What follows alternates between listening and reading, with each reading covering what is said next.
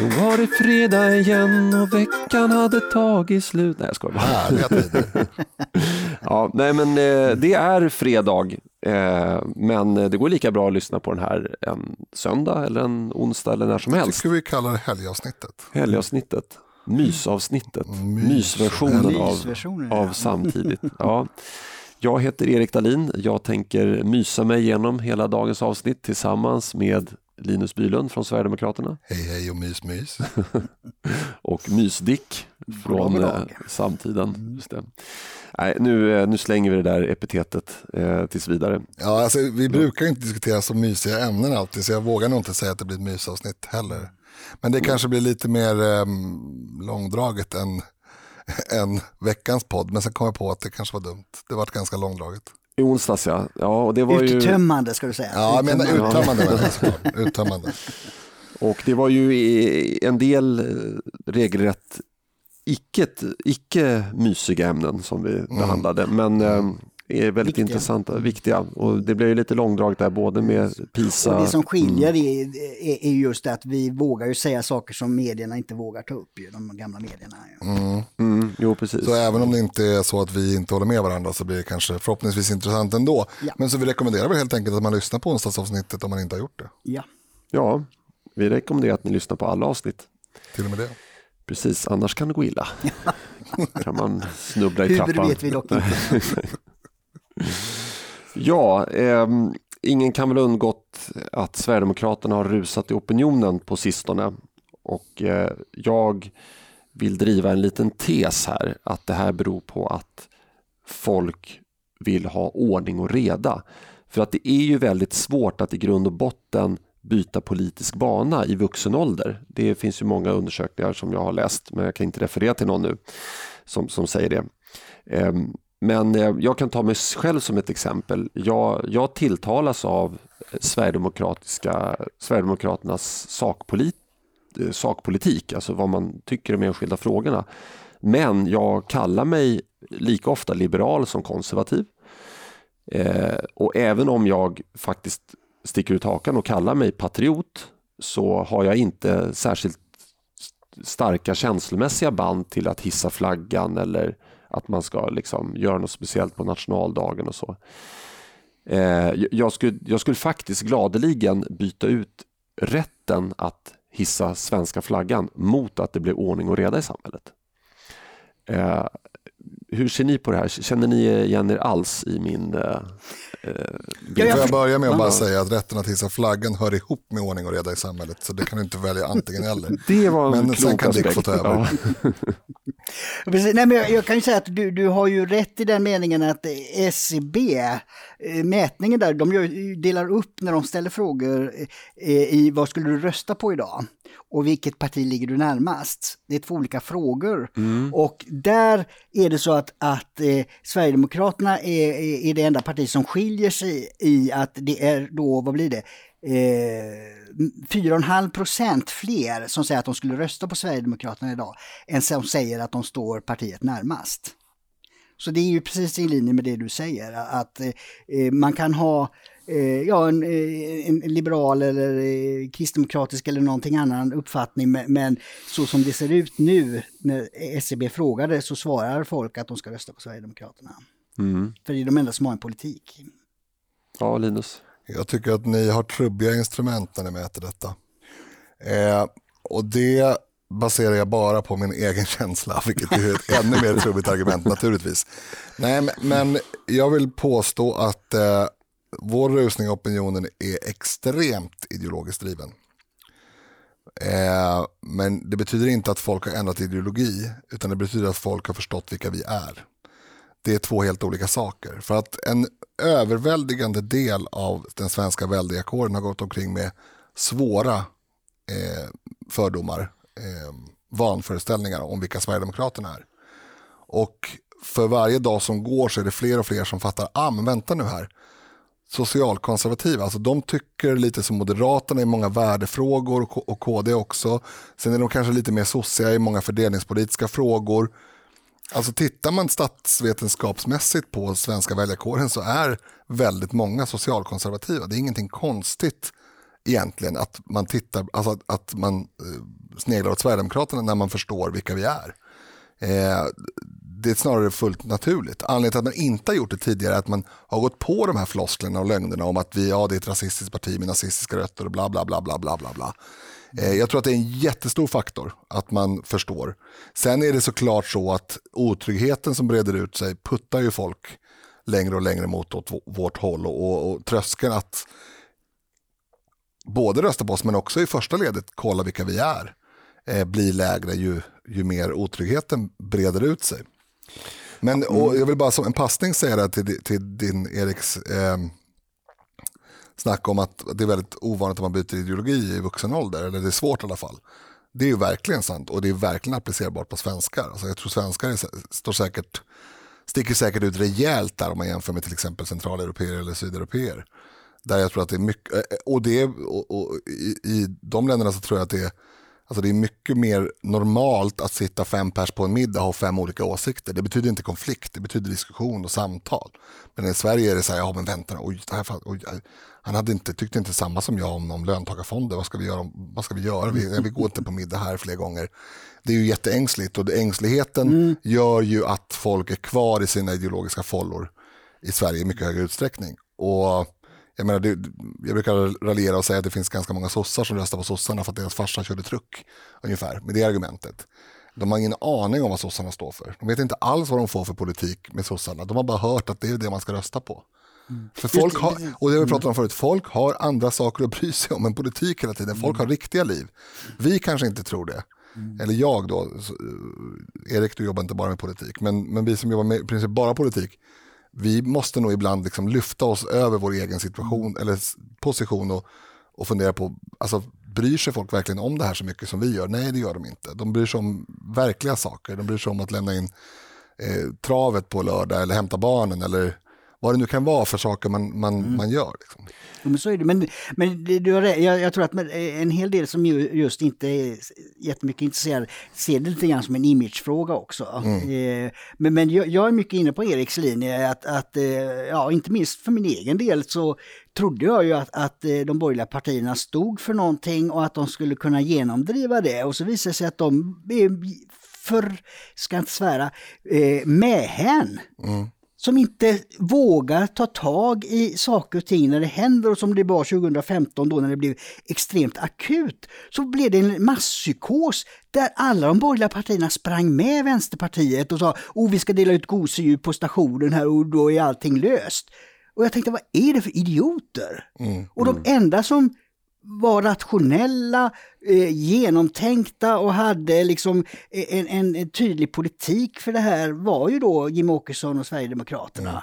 Så, så, för mig var det, det anledningen till att, att eh, jag eh, hoppade av och, eh, eh allians, och tro på, slutade tro på alliansen. Och, och, och, och... Men, men då har du berättat saker för mig tidigare som gör att jag åtminstone delvis har rätt. För du i den, vevan så läste du på lite vad vi tycker och mm. läste äldre partiprogram och så vidare och ja. kollade vad är det här med rötterna mm. och konstaterade att men det här det, det, det, handlar ju om enskilda individer som har gjort idiotiska saker. Just det, det precis. är jag den mm. första att skriva under på men mm partiet som kollektiv har mm. inte haft några sådana, liksom, i alla fall inte, alla, jag ska, jag ska liksom svära mig fri här, i alla fall inte något som motiverar att kalla det nazistiskt förflutet. Nej, nej, så är det absolut inte, för det, det, det kollar ju att partiet som parti har inte gjort några konstiga... Nej, eh, och då, är det ju, då, är, då har du ju förstått mm. mer vilka vi är i samband med att du själv Ja, jag insåg ja. att det jag, de jag trodde på visade sig inte alls vara några man kunde tro på. Eh, så, så, I den meningen så, så, så, eh, är det ju den praktiska politiken som fick mig att flytta mig, så att säga. Mm. Eh, för det där med begrepp är ju alltid... Jag, jag var ju med som sagt i Centerpartiet under Fälldins tid och jag menar han var småfolkligt konservativ. Mm. Och det är det idag Sverigedemokraterna står mm. för så att säga. Så att, eh, här hänger det, är alltid, bitarna hänger ihop lite obegripligt här men, men eh, jag, jag, tycker liksom det, det... Det händer ju på många plan. Jag har pratat med folk som Alltså, alltså släktingar till mig som ändå är så politiskt engagerade, eh, dock i helt fel parti. Men här, varför, är, varför tycker du att Sverige är bästa landet i världen? Eller varför tycker du att Sverige är överlägset alla andra länder? Varför är du med SD? Mm. Alltså, du har verkligen inte förstått ett skit vad nationalism handlar om. Mm. Jag tycker ju att kurder också har rätt till liksom självstyrande och, och, rätt till sin egen nation, nationella mm. identitet. Det har ju ingenting med Sverige att göra att man är nationalist. Är man, är man nationalist och bara bryr sig om sitt eget land, då är man inte nationalist. Men alltså, om, man tycker att eh, det egna landet är eh, bättre än alla andra, då är man väl i någon bemärkelse imperialist? Ja, att man vill sprida eller chauvinist ja, eller vad man nu ja. vill kalla det. Mm. Turkiet till exempel kallas ju ofta nationalistiskt, men de är inte alls nationalistiska. De vill ju ta över, de vill ju liksom förinta andra nationer och så vidare, till exempel kurderna. Mm. Det är ju antinationalistiskt. Ja, jag skulle tycka det var tragiskt om grekerna helt plötsligt började fira midsommar. Det är så mm. Då skulle jag åka ner dit, det var 17 mm. sysslar ni med. Nej jag skojar. Mm. Nej men i alla fall, eh, ja, men om vi ändå ska prata lite ideologi här så vill jag göra en, en jämförelse med USA. Eh, tyvärr blir ju Sverige mer och mer som USA i termer av segregation och demografi och sådär.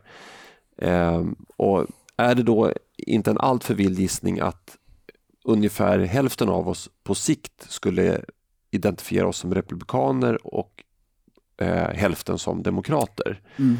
Eh, och om, om det här blir verklighet då ser jag att Sverigedemokraterna har en väljarpotential på 50 procent för det är det enda partiet idag som mm. eh, identifierar sig med Republikanerna. Inte ens Moderaterna vill ju ta eh, Trump med tång. ta ja. eh, och, det, och Reinfeldt han var ju polare med Blair till exempel, nu ska jag ta eh, Storbritannien mm. som exempel. Eh, kan, kan det ligga något i det här? Det är lite den svenska sjukan också att man tror att eftersom Trump är, är republikan så, så kan vi inte... Alltså, Republikanerna är ju ett extremt disparat parti mm. jämfört med svenska partier. Det finns ju republikanska företrädare som in, i princip säger rakt ut att de inte gillar Trump. Så att det är ju lite, det är svårt att... Det, det är ju det är svårt att, att, prata om det här nu när, i och med att Trump är president, för han är ju väldigt, väldigt speciell som person. Mm. Men jag tänker mer ur ett långsiktigt ja. perspektiv. Alltså, mm. Om man tittar, och det gäller även i flerpartisystem i Europa, så tenderar det demokrati att det blir två block så att säga. Att det blir ett vänster och ett högerblock eller att det är liksom två eh, alternativ som står mot varandra och jag tycker det ska vara så. Eh, sen om det är då flera partier eller som i USA och Storbritannien, ja inte Storbritannien längre kanske, men, men två partier utan att det är flera partier men som ändå bildar Eh, ett regeringsalternativ tycker jag är bra, för då är det ju liksom väljarna som får avgöra vem som blir statsminister. Eh, liksom vilken inriktning landet ska ha, det vill säga de som får 50 procent eller plus eh, en. Eh, men alltså jag tycker väldigt illa om det som det blev nu efter svenska valet här, att, att eh, Annie Lööf och, och Jan Björklund sa att eh, röstar ni på våra partier så blir det Ulf Kristersson som blir statsminister. Och så gjorde folk det, ja, då röstar de partierna sen på att rösta fram Stefan Löfven. Mm, då är det alltså, falsk marknadsföring. Ja, alltså, jag tycker inte det är demokrati. Alltså, de har inte gått ut med, med och, och, givit väljarna en schysst chans att avgöra hur man vill att landet ska styras. Och det, så det där är en sorts elitperspektiv, eh, det säga att väljarna ska ge sina röster först och sen gör vi vad sjutton vi vill här i riksdagen. Det, jag, tycker det är en, jag tycker det är ett förakt mot demokratin. Va? Ja, särskilt som att svenska väljare tenderar vara på det sättet också, att man man kanske tycker att man tillhör ett, ett av lägren, men så väljer man det parti inom respektive läger som man tycker drar åt mest ens eget håll. Mm. Så att Centern får då röster från människor som tycker att men Ulf Kristersson blir nog en, en bra statsminister men eh, jag tycker att deras, vad det nu kan vara, miljöpolitik ändå, eh, Centerns miljöpolitik ändå är mycket bättre och det, det är en, varm, en fråga som ligger mig varmt om hjärtat så jag väljer Centern. Eller ännu tydligare KD då som ju inte har, har svikit alliansen men men som, eh, där väldigt många då har valt att rösta på KD på grund av, av vårdfrågor till exempel. Trots att de egentligen är allmänborgerliga i någon sorts eh, bredare mening. Och samma Liberalerna som har mm. profilerat sig i skolpolitiken. Det är klart att det är många som har röstat på Liberal, väldigt många som har röstat på, röstat på Liberalerna som vill se Ulf Kristersson som statsminister. Mm, jag tror att du har rätt i det, att, att liksom, eh, om inte Moderaterna och Kristdemokraterna skärper upp sig här nu så att de kan bli delar av ett, ett konservativt block, då blir det ju Sverigedemokraterna ensamma som får göra det. Mm. men för USA, där är väl, jag, jag eh, eh, associerar ju republika republikanerna mer med ordning och reda och lite striktare eh, border control och, och sådär. Och eh, det, det, är väl, eh, det är väl inte helt osannolikt att de frågorna är lika viktiga i Sverige för framtiden som de är nu. Eh, Mm. ja. Alltså, jag vill bara säga här att, att, jä- att jämföra, jag, jag träffade en kille på, på flyget från San Diego till Austin om jag inte minns fel för några år sedan och han var ju då eh, han var demokrat. Han hade eh, av en slump, eller jag vet inte varför, jag frågade aldrig, men han hade väldigt bra koll på Sverige. Eh, och jag, för jag började förklara vilka, vilket parti jag tillhörde. Jag var där med, med utskottet och så var alla partier. Men jag började förklara vilket parti jag tillhörde. Han bara, åh, men det känner jag till. Liksom. Ni är lite som sossarna fast lite, i vissa frågor lite mer som moderaterna. Liksom. Och det var jättekonstigt att träffa en amerikan som hade så bra koll. Jag vet, jag vet faktiskt inte varför, men han hade det. Och, och då inser man, man inser liksom att han som, som demokrat, han tyckte att, nu är det också det, så här, det är en persons åsikt så vi ska inte lägga någon vikt i det, men han tyckte liksom att alla svenska partier hamnar i princip på demokratsidan om man, om man jämför ideologier. Och, och, och den uppfattningen kan man lätt få, därför att det är så totalt olika system. Alltså om du är för, om, om du har samma syn på välfärd och skatter som Sverigedemokraterna har och applicerar det på USA, då är det ju långt åt vänster. Det är ju jättemärkligt att betala hälften av vad du skapar för värde i skatt och sen så ska ingen behöva betala för sjukvård. Det tycker ju de är supervänster. Så det går ju liksom inte, man måste nästan ta fråga för fråga och gränskontroller är väl en ganska bra Erik, fråga tycker jag, att, att liksom jämföra med. Att, eh, visst, där har du ju en, vill man värna sitt eget eh, med hårda gränser eller vill man inte det? Det är ju en sån fråga som är liksom någon, sort, någon sorts universell fråga. Och sen är det ju en annan skillnad med, med USA också, det är ju det att det är personval. Ju. Ja. Att, att, att det är uppknutet till en person. Och, och det gör ju flex, systemet mer flexibelt på ett sätt. Det vill säga, det, det har inte uppstått några eh, andra partier än de här två, utan de är liksom valorganisationer och eh, beroende på opinionsläget så, så eh, får man fram en presidentkandidat som stämmer överens med det opinionsläget. Läget, så att säga. Så att, eh, och då är Trump ju eh, ett exempel på att man är väldigt, många väljare är väldigt kritiska mot hur det politiska systemet ser ut och då har man valt den som man eh, tycker ka- kan sparka hårdast. Ja, men det där måste jag säga var en intressant, jätteintressant. Det har inte jag tänkt på förut, att det kanske är demokratiskt bra därför att det blir flexibelt gentemot opinionen. Och det, det, du har den poängen och då tycker jag att den är, den är värd att tänka på. Men, men jag tycker ändå att det amerikanska och eh, eh, framförallt det brittiska systemet eh, där man då kan i teorin ha alltså 50 eller 40 9 procent och inte, i Storbritannien inte får någon representation alls. Ja. Nu ska ju det teoretiskt sägas att det, det lär ju inte hända. Men, men man måste alltså få majoritet i kretsar I för att, var och en av de här 650. Ja. ja, så i teorin kan man vara andra största parti i Men alla de här kretsarna, ja, och- men vara jättestora och inte ha någon representation alls. Men nu, nu vill jag påkalla lite ordning och reda här, för att det, det var inte det vi skulle prata om. Det var var inte. Utan det var just ordning och reda vi skulle prata om. Och för att avsluta det här med USA lite grann. eh, Donald Trump sa ju America first. Jag tror inte att någon demokrat hade kunnat säga det. Eh, jag kan lite för lite om, men, men eh, i, i Sverige i alla fall. där Inte är ju, kanske det, nu, nej. Alltså Nej. 2019. Nej, 2018. ja, ja, Nej, 1950. nej, men det, alltså ja. där är ju Demokraterna eh, vänster när det gäller kultur eh, och identitetsfrågor. Där springer de ju långt ut på vänster. Ja, och, och i Sverige så, Jimmy Åkesson har ju inte sagt det uttryckligen, men om det är någon partiledare som man förknippar med det uttrycket i Sverige så är det ju han. Eh, Sverige först. Ja. Eh, och moderat, alltså Ulf Kristersson, även om han har svängt nu lite grann, han skulle ju aldrig ta de orden i sin mun. Alltså aldrig. Vi får se, Och- och- det och var om några år. Ja, det var om några år. Men, men det här är i alla fall min, min eh, lite grann mer långsiktiga analys. Att gör de inte den här lite mera konservativa, patriotiska omsvängningen så kommer eh, Sverigedemokraterna att eh, ha väljarpotential på 50 procent i princip. Eh, men i alla fall, jag, eh, det här är inte någonting som, vi, du nämnde 2015 här att det var kaos och så vidare. Men jag kommer faktiskt ihåg eh, Tove Livendal, jag tycker hon gjorde en väldigt vettig analys efter valet 2014. Eh, Hon tog upp just det här att många känner sig svikna av högern för att de, alltså det här är inte hennes ord, det här är mina ord då, men eh, för att de känner att de har liksom lämnat walkover i den här vad heter det, brott och strafffrågan.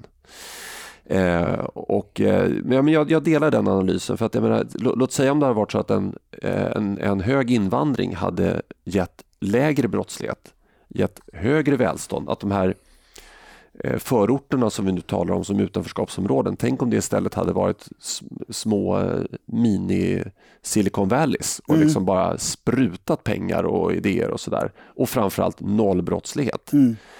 Eh, vi, vi, kan isolera den frågan bara. Noll. Liksom, du, du, skulle kunna gå över Tensta torg och bara med en hundratusen i kontanter och vifta med dem vilken tid som helst på dygnet och det skulle inte finnas en, inte, alltså sannolikheten för att bli rånad var noll. Mm. Då tror inte jag att SD hade vuxit i opinion. men, då vänta, tror jag vänta, man, bara säga, ja, men, men det, ja. det, det, här är ju en utopi. Exakt. Mm. Ja. Det blir eh. väldigt teoretiserat då. Eftersom anledningen till att Sverigedemokraterna är emot invandring massinvandring mm. är ju till stor del för att det alltid i alla liksom jämförbara sammanhang alltid har lett till dåliga saker. Det är inte för att det är invandrare. Det hade, det hade man kunnat, liksom, där hade man kunnat sagt att man var rasist då om man, om man tyckte att invandring alldeles oavsett konsekvenser alltid är dålig. Men det, det tycker man ju inte. Det är ju ingen som tycker det. Utan man, man, man, tycker att det är dåligt därför att det får de konsekvenserna. Och en av de absolut mest påvisbara konsekvenserna är en kraftigt ökad brottslighet. Mm. Men eh, alltså, så, så, så, pragmatisk kan man alltså inte vara att man liksom öppnar gränsen och tänker det här är bara att, att behandla med lite fler poliser och så, och så, är det, så kommer SD att halka ur riksdagen. Inte nu, är det inte. Alltså, hade man gjort det man säger nu för 20 år sedan och liksom eh, eh, stramat upp och inte haft alla de här falska identiteterna och ja, det är ju så oerhört mycket fast, skit fast, som fast händer. det finns också ett problem med den eh, teoretiska analogin och det är ju att om man om man för 20 år sedan hade bestämt att vi, vi ser till att man inte kan begå en massa fusk med samordningsnummer. Mm. Vi eh, ser till att välfärden går till medborgare primärt mm. och någon sorts eh, liksom, lägsta nivåbidrag då möjligtvis för de som, som har asylskäl, då skulle vi inte haft någon invandring. Så det, är liksom inte, det är inte på grund av vädret som, som migrationskrisen har drabbat Sverige hårt. Mm. Låt mig nu avsluta den här eh, punkten, eller första halvan av fredagsupplagan. Eh, jag vill eh, lansera en ny politisk lära, nämligen ordning och reda-ismen, förkortad orismen. Mm -hmm. ja, och deras följare är således orister. Om samhället i alla lägen tillämpar den principen så tror jag att eh, vi får det samhälle som de flesta vill ha. Jag ska ta ett, ex par exempel här. Vi vill ju kunna köra bil, för det är, det är väldigt praktiskt att ta sig fram med. Men det måste vara ordning och reda i trafiken. Vi kan inte liksom köra berusade, vi kan inte köra på vilken sida som helst ja, av vägen och så vidare. Utan det, det är ordning och reda där. Vi vill kunna man kan gå... inte köra på undersidan av vägen. Nej, det kan man inte heller göra. vi vill också kunna gå ut och roa oss på krogen, men eh, utan ordning och reda så är vi ute för länge och dricker för mycket och så vidare. Så det är no någon mening något, någon pragmatism. Man förbjuder inte folk att köra bil eller man förbjuder inte folk att, att dricka, så, men det ska vara ordning och reda. Och vi vill hjälpa människor som har det besvärligt. Men utan ordning och reda i ulandsbeståndet eller i mottagandet eh, här hemma då, så går det inte. Och skulle man tillämpa orismen på migrationspolitiken så skulle man, anser jag, landa mer eller mindre i Sverigedemokraternas politik. Eh, och det, för det är ett område som bevisligen skapat så mycket oordning eh, så att man för, för mycket lång framtid då måste, eh, måste göra en, en total omsvängning. Mm.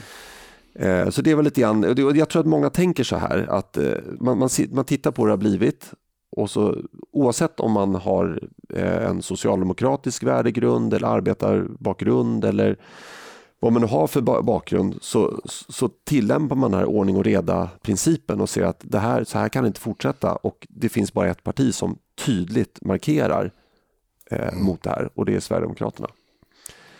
Eh, och jag, alltså väljare som går från S till SD är ju, är ju klockrena exempel på det. Eh, ja. Mm. Mm. Jo, ja, men det, vad tror ni? Jag håller med lite grann, men jag, jag tror nog fortfarande att, att folk är ganska orörliga i vad de tycker, men de kanske märker att de som de trodde tyckte en viss sak och, och stod för en viss samhällsordning inte gör det. Och så märker de att de som de trodde stod för något helt annat, i det här fallet påhittat, de förstår om att de inte står för det. Eh, alltså det, det, vi pratar kanske lite om samma saker fast från olika perspektiv. Men man har till och med sett eh, i väljarundersökningar att det är vänsterpartister som går till Sverigedemokraterna. Ja, ja. Och, och, det kan inte, rimligen kan inte det vara av ideologiska skäl. Det, det, det måste ha att göra med att... Fast där tror jag det, nyckeln kan ligga i lite. Jag mm. håller med dig i sak mm. att det finns antagligen, jag vet inte hur många gånger jag har sagt att jag håller med dig i sak, men samma. det finns antagligen väldigt många exempel på det som du säger. Men det finns också exempel, vill jag påstå, framför allt på vänsterkanten, där man inte reflekterar över varför man röstar på ett visst parti. Där man egentligen kanske inte har någon politisk ideologi, utan man är arbetare och då röstar man på kommunisterna. Till exempel, nu raljerar jag. Men mm. man är överklass och då röstar man på Moderaterna. Man är eh, liksom bruksarbetare på en bruksort och då röstar man på Socialdemokraterna. Och sådana människor, då kan vi aldrig veta vad de har för ideologisk förankring för de kanske inte har någon. Eh, om ni förstår vad jag menar. De kanske mm. inte har, de kanske, alltså, som jag sa tidigare, alla människor, eller väldigt många människor går inte omkring och funderar på politiska ideologier och samhällsbyggnad eh, dagligdags, eller, eller ens någonsin. Utan de gör saker som i deras ögon är, och kanske även i mina ögon, är vettigare. Mm. Mm. Precis, men eh, alltså, jag tycker ju verkligen att de som är politiker borde tänka som du Erik. Mm.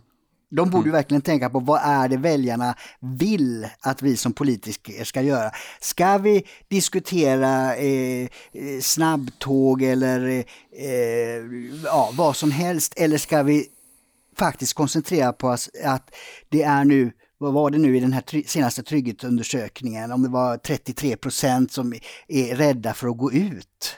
Mm. Är det inte en kärnuppgift, ja, som du säger, ordning och mm. reda, mm. är inte den då viktigare att ta tag i än allt det här andra vi ägnar all tid åt? Mm. Och gör man inte det, då kommer väljarflykten. Exakt. Det är min, det ja. det min Nej, men poäng. Ja. Jag mm. tror det, så, så det där ordning och reda, det, det, det, där hade varit en bra instruktion för de gamla partierna. Ja. men närbesläktat eh, med den här diskussionen är faktiskt den fördummade politiska debatten i Sverige. Alltså det är alldeles för få människor där ute som förstår politik överhuvudtaget och det beror på medierna. Därför att vi koncentrerar oss, eller medierna koncentrerar sig i alldeles för hög grad på enskilda frågor, vad partiledarna har för läppstift och andra mm. dumheter som är liksom helt ointressanta. Mm. Alltså, vi behöver ha engagerade medborgare som förstår skillnaden, som förstår att det tar tid också att genomföra saker.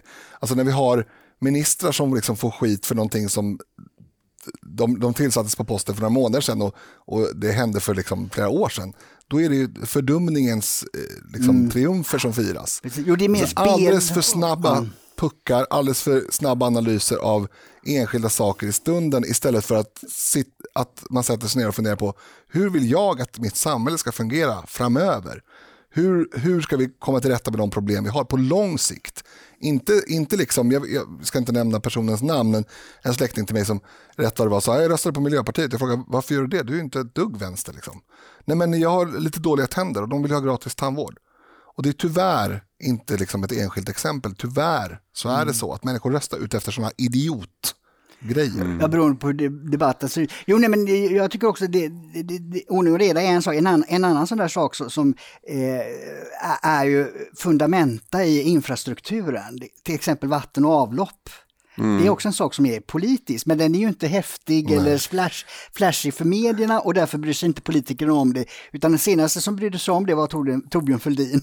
Alltså Carl Bildt berättade vid något tillfälle att han var förundrad över eh, Fälldin för att han tog upp vatten och avlopp i debatten med Olof Palme. Mm. Alltså, det var, han var i verkligheten. Mm. Och det som behövdes, och det, nu var det ju en annan tid så det var säkert så att många, alltså det kommunala vatten och avloppssystemet var ju säkert inte utbyggt då. Så det, det, var ju en väldigt... Service... Det är inte ett jätteproblem för de flesta idag. Nej, nej idag nej. finns det ju så att säga, men, men då var det liksom att bygga ut det. Men han ryggade liksom inte för att ta tag i det. Nej men det här betyder något för människor, att vi ser till i politiken att ordna de här sakerna, grundfundamenta, att det funkar. Mm. Och så borde det ju vara idag också med, med då de problem vi har idag. Ja, precis. Eh, ja, vi lär få återkomma till det här, eh, men nu går vi vidare. Förra veckan så pratade vi om begreppet rasism och idag tänkte jag att vi skulle tala om fördomar. Vänstern och låtsasliberaler är väldigt bra på att slänga rasistkortet på folk med fördomar. Så här kan man säga att jag ligger i farozonen för att Eh, rent instinktivt så är jag ganska duktig på att måla upp en bild av en person som jag ser eller lyssnar på. Eh, och ibland kan den bilden vara så osmickrande att det, att det nog får klassas som en fördom. Låt mig ta ett exempel. I fredags, alltså för en vecka sedan, så läste jag en insändare eh, till Svenska Dagbladets så kallade etikettexpert som handlade om var gränsen går för när man behöver passa andras barn. Ungefär. Och Det var en uttömmande fråga som följdes av ett lika uttömmande svar men jag nöjer mig med att läsa upp eh, början på frågan. Min man spelar i ett band som övar i vår källare. Det är trevliga och det låter bra så jag har ingenting emot det. Några i bandet tar ibland med sig sina barn i förskole yngre skolåldern hem till oss. Första gången det hände fick vi ingen förvarning. Barnen är inte med sina pappor i replokalen utan rör sig runt i vårt övriga boende. Ja, det var alltså början på, på frågan då. Så frågan så här, ska jag acceptera det här? Och. Mm. Eh, och nu ber jag på förhand om ursäkt till alla känsliga lyssnare men här fick jag direkt en förutfattade mening om dessa bandmedlemmar som kan gränsa till en fördom. Den här mannen som hämtar på förskolan och sedan nästan bokstavligt talat dumpar barnet i knät på sin kompis fru är en sån där person som är väldigt mån om sin fasad. Han ska passa in i det jämställda samhället och minsann hämta på förskolan men något egentligt ansvar vill han inte ta. Han tycker fortfarande att det är helt självklart att kvinnorna ska ta hand om barnen och därför frågar han inte ens sin kompis eller kompisens fru ifall det går bra att frun bjuder honom på lite barnpassning medan han repar med sitt wannabe hipsterband. Han och alla i bandet jobbar givetvis på reklambyrå, har helskägg och klär sig i randiga strumpor. Trots att alla i bandet har lägre lön än sina fruar så är de det givna familjeöverhuvudet tack vare sina five seconds of fame på talangjakten i nian. Alla inblandade parter är pursvenska enligt mina fördomar och det är mycket viktigt att poängtera. Eh, hur stor sannolikhet är det att eh, jag har rätt tror ni? Ja, jag tänkte säga det var lite tråkigt att du eh, sa de här sakerna som du sa för att det hade varit roligare om du och jag hade haft olika syn på det här, men det har vi inte. Nej, jag har också eh, svårt att tänka mig att eh, vad en annan förklaringsmodell skulle vara riktigt. Det, det, låter väldigt sannolikt det du säger. Så mm. vi har väl samma fördomar då? ja, precis. precis. Och, men om jag nu hade eh, uttryckt mig lika fördomsfullt men istället för att det kommit fram till att de här var pursvenskar då, att det hade kommit fram till att de här har kulturella rötter i Mellanöstern eller att de har mörka nyans på hår och hud. Eh, hur stor sannolikhet tror ni då att det hade varit att eh, en så kallad godhetsknarkare hade slängt rasistkortet på mig? Så kallad godhetsknarkare? 100 procent. Ja, men så är det ju. Ja. Eh, men varför, alltså, är det för att de blandar ihop begreppen fördomar och rasism? Eller kan fördomar ibland alltid vara lika med rasism? Där vill jag säga att, Hjälp mig att reda där vill jag säga att mm. fördom som är också är bara rasism är ganska ovanlig. Eh, för att rasism har ju som vi har pratat om tidigare no, exakt noll med kultur att göra.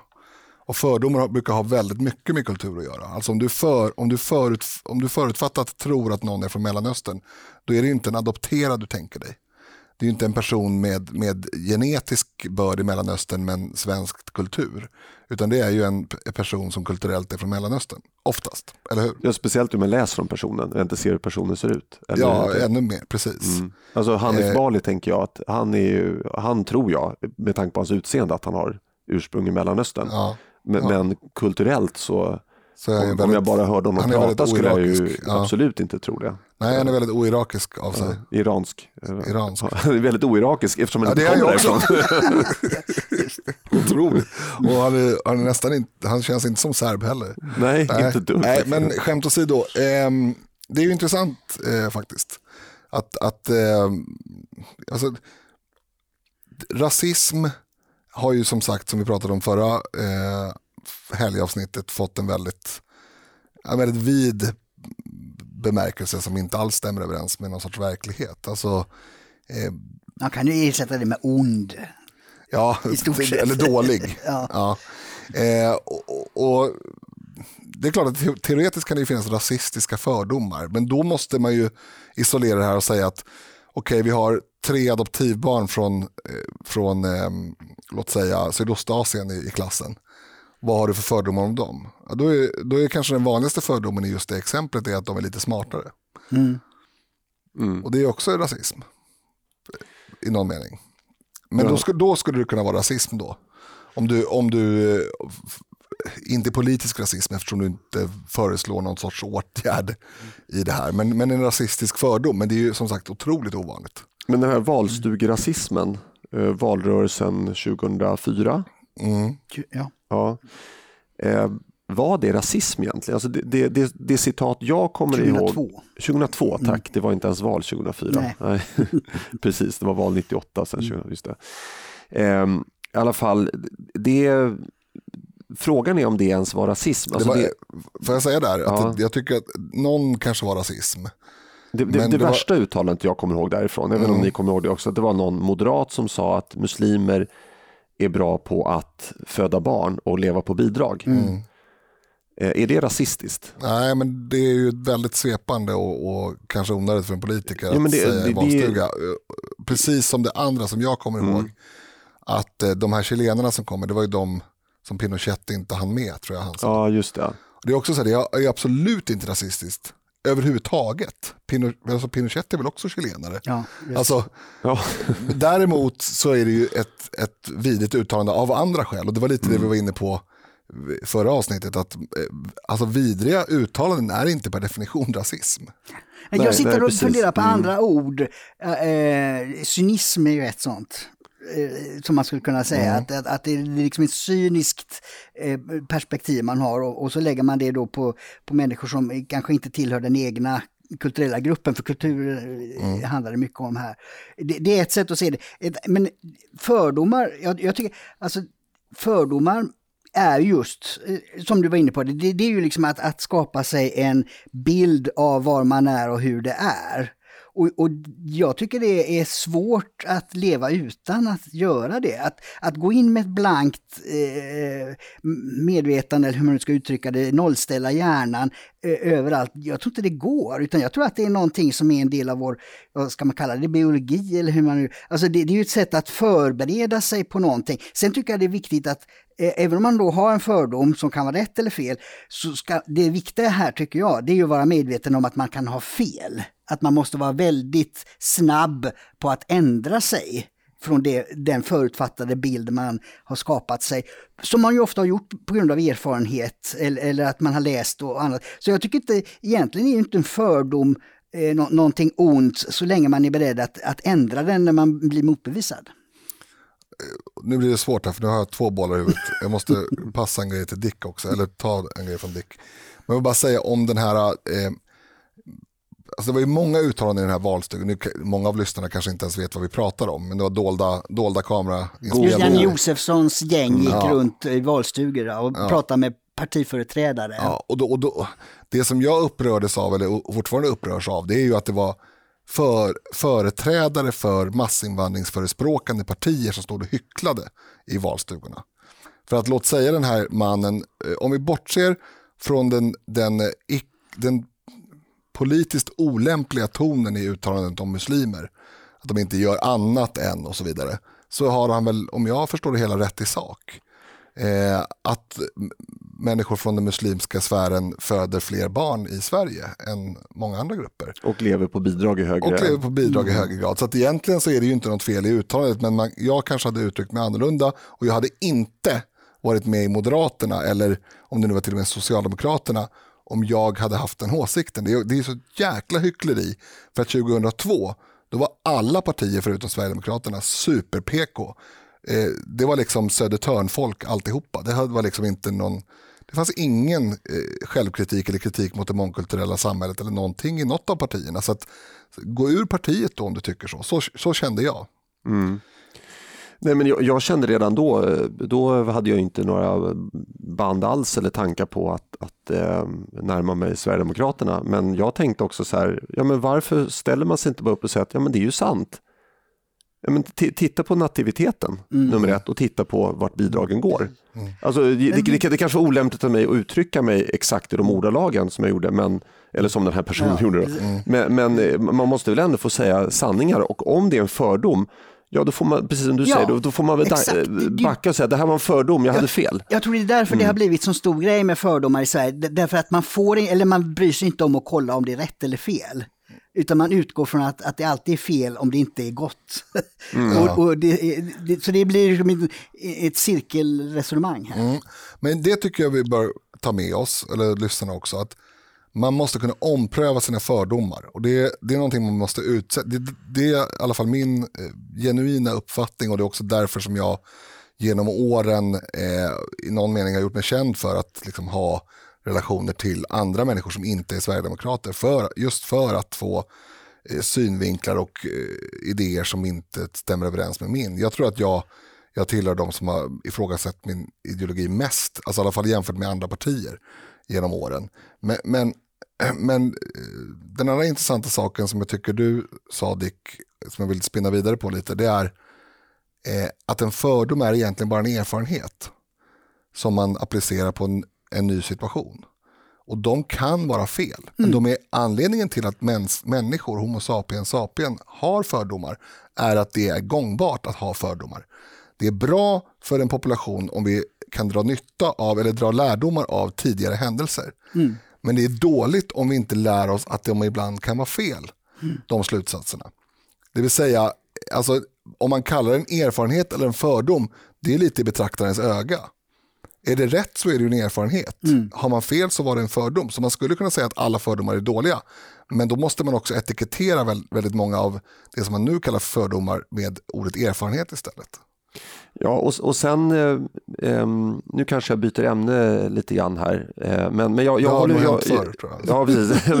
det är min rätt som programledare. Mm. Nej, men jag, jag håller med dig eh, om att eh, fördomar, för det var faktiskt en fråga som jag hade skrivit upp här, som jag tänkte ställa, om, om, om fördomar alltid är av ondo, och det är ju nästan så du, mm. du motsäger det nu, att, att det är faktiskt ja, det, det är din överlevnadsfaktor egentligen. Antingen är det lite av varje eller så får man sätta en ny etikett på vissa av fördomarna. Mm. Men, men sen också tycker jag så här att om, om jag nu tillhör en grupp som är utsatt för fördomar, eh, säg eh, den som anser att, eh, vad ska jag säga, eh, pojkar med backslick uppväxta på Övre Östermalm inte utsatt för fördomar. Alltså det är ju extremt. Det är, det är ju liksom i klass med, med äh, värsta äh, grupperna äh, av utsatta för fördomar. Och då får man väl vara lite så här pragmatisk. Okej, okay, vill jag nu anspela på de här fördomarna ännu mer? Mm. Som till exempel Jan Emanuel, han är ju kapitalist då, och han gör allt vad han kan för att få folk att liksom tänka till eh, ja, på alla möjliga sätt. Han köper ju röd Ferrari för att den är sosse, sossefärg och sådär. Han, han, han anspelar verkligen på de här fördomarna. Då. Mm.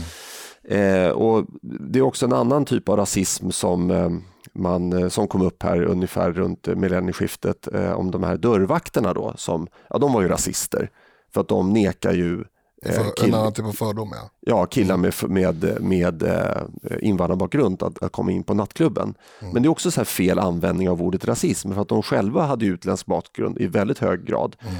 Utan det var ju bara en fördom att de vet ju att ägaren istället vill ju att eh, dörrvakterna då välkomnar folk som spenderar mycket pengar i baren. Mm.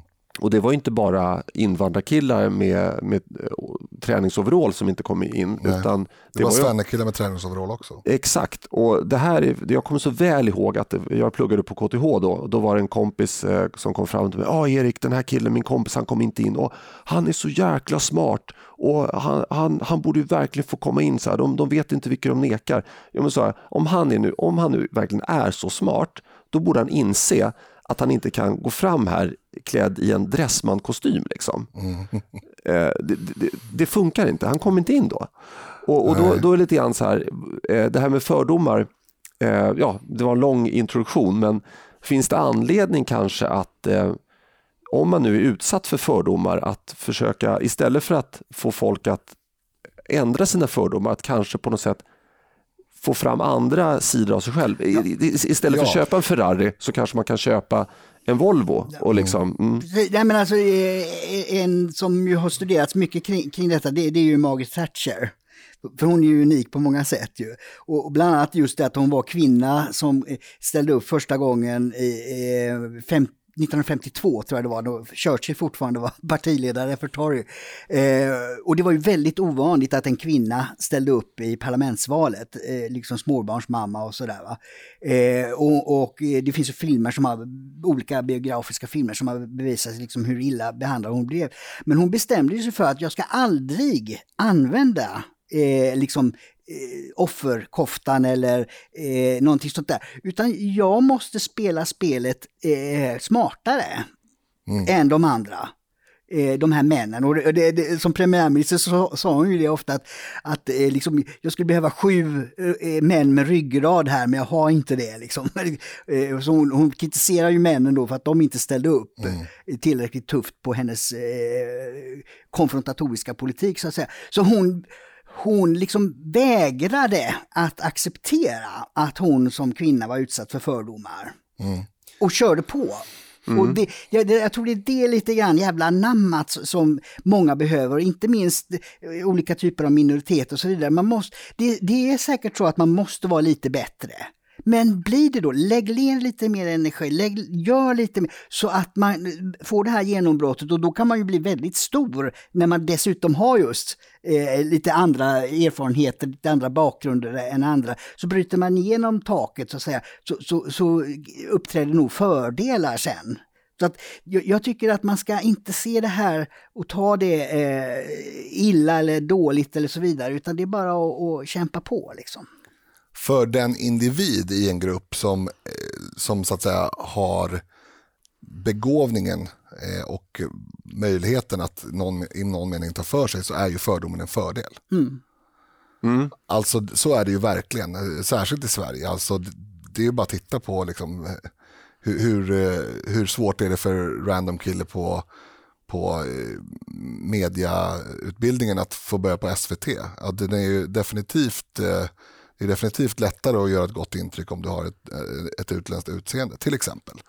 Eh, och det finns ju massa sådana exempel. Eh, jag, jag hade en eh, iransk kompis som jag gick på gatan med, det här var länge sedan, men och då, och då frågade, eller då skrek en sån här riktig uteliggartant med en sån här, en sån här bag lady skulle man kalla henne kanske. Eh, och skrek någonting rasistiskt över gatan sådär. Eh, helt, o, helt oprovocerat, bara skrek åt honom. Eh, och vi brydde oss inte om det, han liksom ryckte på axlarna och garvade åt henne, det var en lodis. Liksom. Men, men då frågade jag honom vad, vad tänker du, eller vad känner du när, när så helt omotiverat eh, skriker glåpord till dig på grund av din hårfärg eller hudton. Och då sa han, jag tänker att, att det är alldeles för många som ser ut som jag som uppfört sig alldeles för illa. Mm. Och det tänkvärt tycker jag. Att, att anta det perspektivet på saker och ting. Sen är det ju fel att döma honom utifrån vad andra med svart hår har gjort ändå. Men just den reflektionen att ja men Mm. Ja, det, det finns ett skäl att, inte just hon då, för hon var kanske galen, men det finns ett skäl att de här fördomarna i citationstecken finns. Jo, men det, är ju, det är ju ett led i att inte se sig som offer, Precis. utan att och, och, komma och, ur det. Och, mm. både du och jag, men mm. du kanske inte har varit lika, jo men du, du lär ju också ha den erfarenheten, eller jag har den i alla fall, att jag uppfattar ju väldigt ofta att jag har en fördel eh, i och med att det finns så långtgående fördomar om Sverigedemokrater.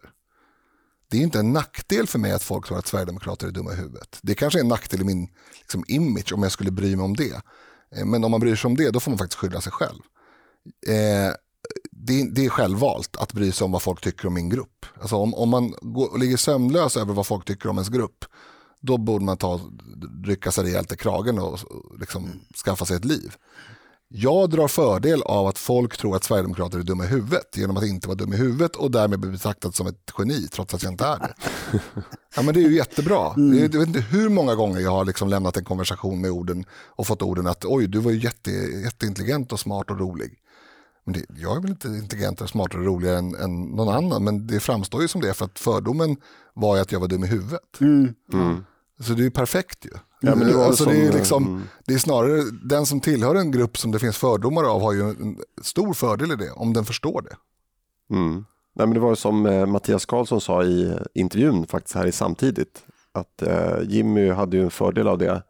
Att om man kom till en debatt och liksom kunde låta bli att slå någon på käften. Mm, det var nog jag som sa. Ja, Ja. det var du som sa det i, ja, i intervjun. Ja. just det. Så, så gick han därifrån som en vinnare för att alla förväntade sig eh, att han skulle vara en, en uh, riktig skitstövel. Jag, tror, jag tror Mattias sa att han kunde säga en, eh, om han gick till en debatt och kunde säga en hel mening. Eller. Ja, men det, det, det är väldigt intressant här. Eh, ska vi se om vi kan runda av det här på ett eh, snyggt sätt. Eh, vill du tillägga någonting Dick?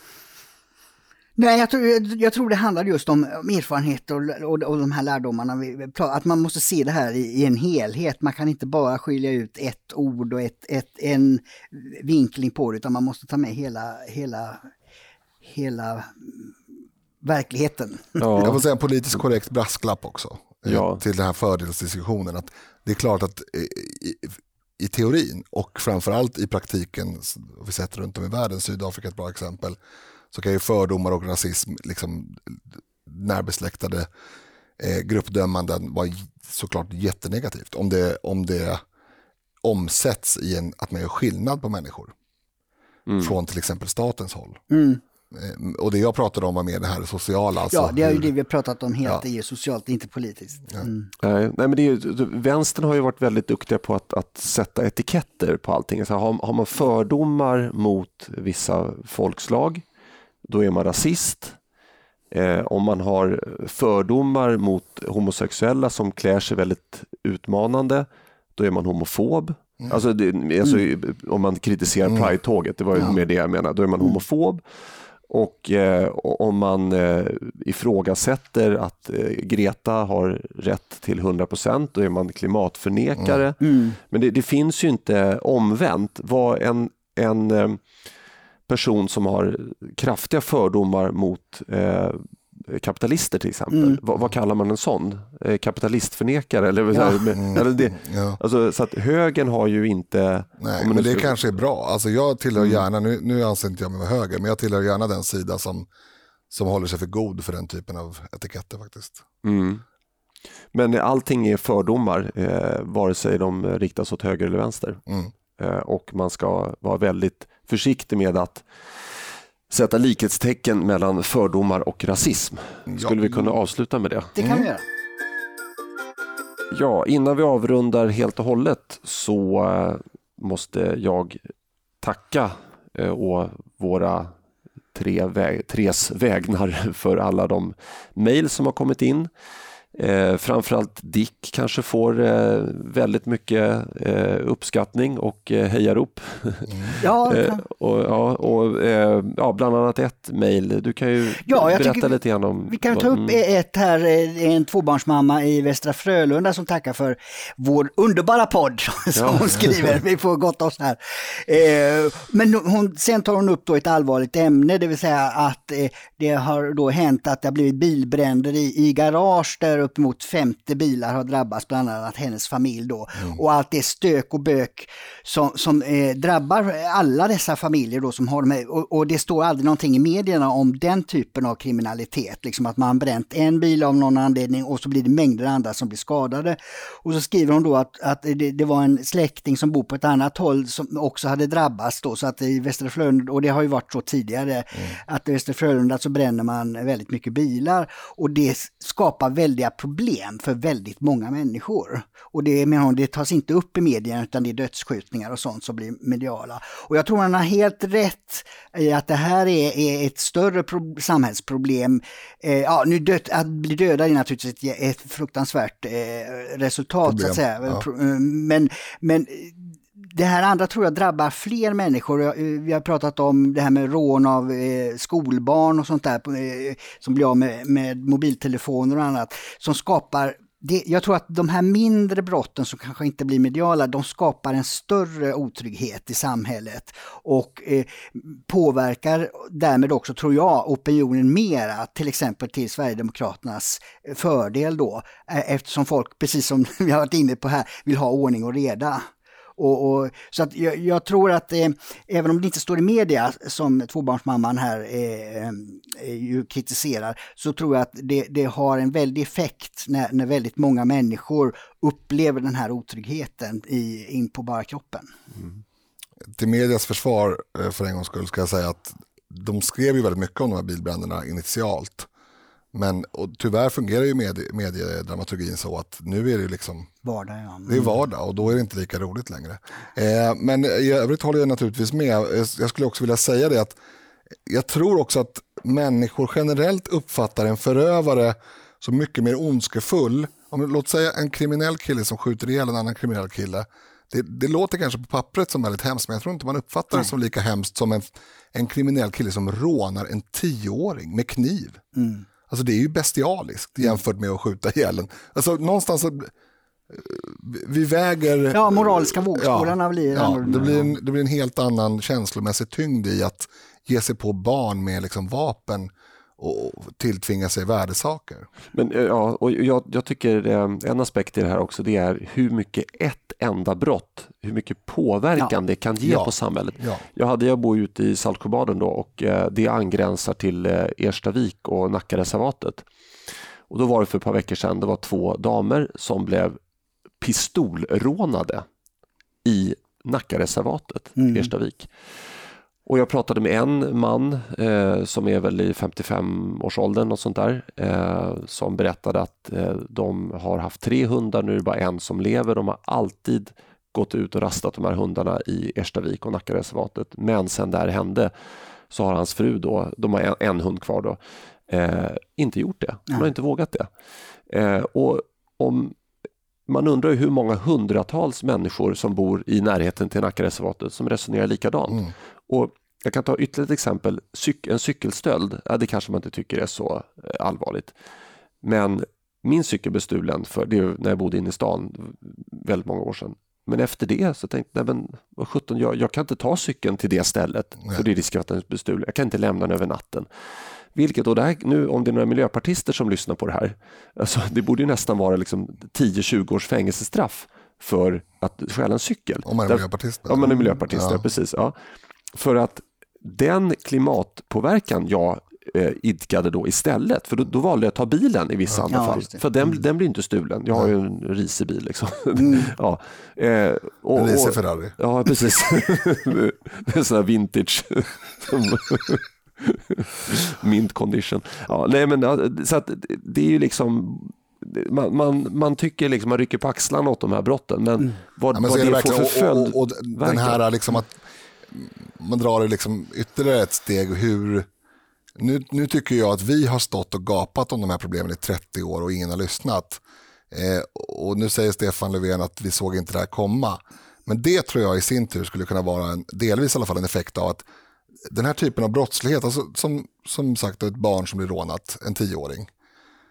Det är ju det är ju ganska många personer som kommer få reda på det här ja. och blir väldigt bestörta utan medias inblandning. Mm.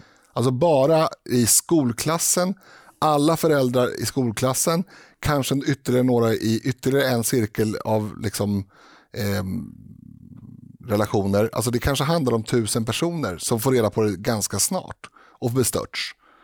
Eh, och då, då behövs det ju bara ett antal sådana här vidriga händelser för att folk ska förstå att det här det är något som inte står rätt till med vårt land.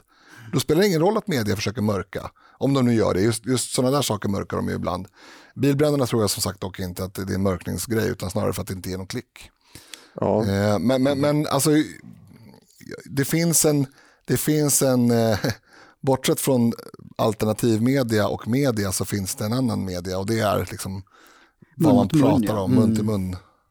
Och, och det tror jag har stor effekt i, i opinions... Ja, ja, det tror jag. Och det har mycket större effekt. Mm. En, mm. En, en, ett pistolrån av en, en dam har mycket större sådan effekt än en ihjälskjutning av en annan kriminell. Mm. För att mm. vad har han för liksom, anhöriga som kommer börja tänka politiska banor? De, är, de vet ju att han är kriminell sannolikt. Och, mm. Ja, det är tragiskt naturligtvis att han dör i deras ögon och kanske även i mina. Jag känner inte honom, den effektiva figuren.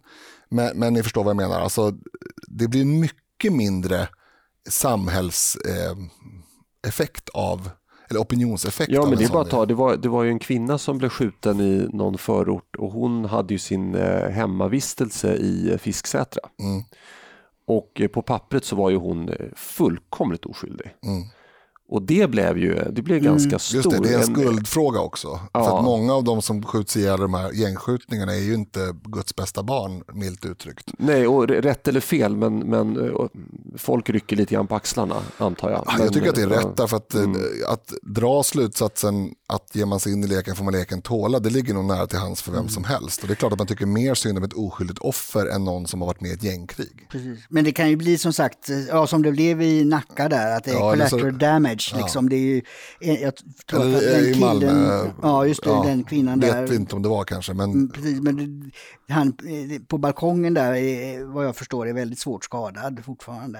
mm. Efter att, eh, en förlupen kula då. Ja, just det. Var, eh, för han förlorar synen eller? Ja, jag vet inte exakt vad, men Nej. Nej, men det, man kan konstatera att Mm. det finns inga gängskjutningar som inte drabbar oskyldiga. Det drabbar alltid oskyldiga. Men sen är det ju liksom o, Mm. olika grad av drabbning. Så att säga. Ibland dör oskyldiga. Ibland, Mm. ibland blir de väckta mitt i natten bara. Och det är väl kanske... Ja, och, och, och grejen är så här att det kommer inte påverka mitt beteende. Jag kommer fortfarande, om jag vill, ta en promenad i Erstaviks eh, och, och Nackareservatet.